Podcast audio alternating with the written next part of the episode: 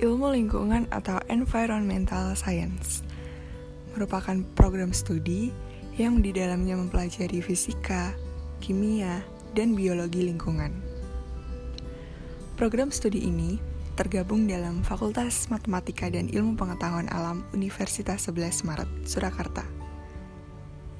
Program studi ini belum banyak dimiliki oleh perguruan tinggi negeri lainnya di Indonesia. Alasan saya memilih ilmu lingkungan karena semakin jarangnya sarjana lingkungan, sedangkan masalah yang ditimbulkan di lingkungan makin banyak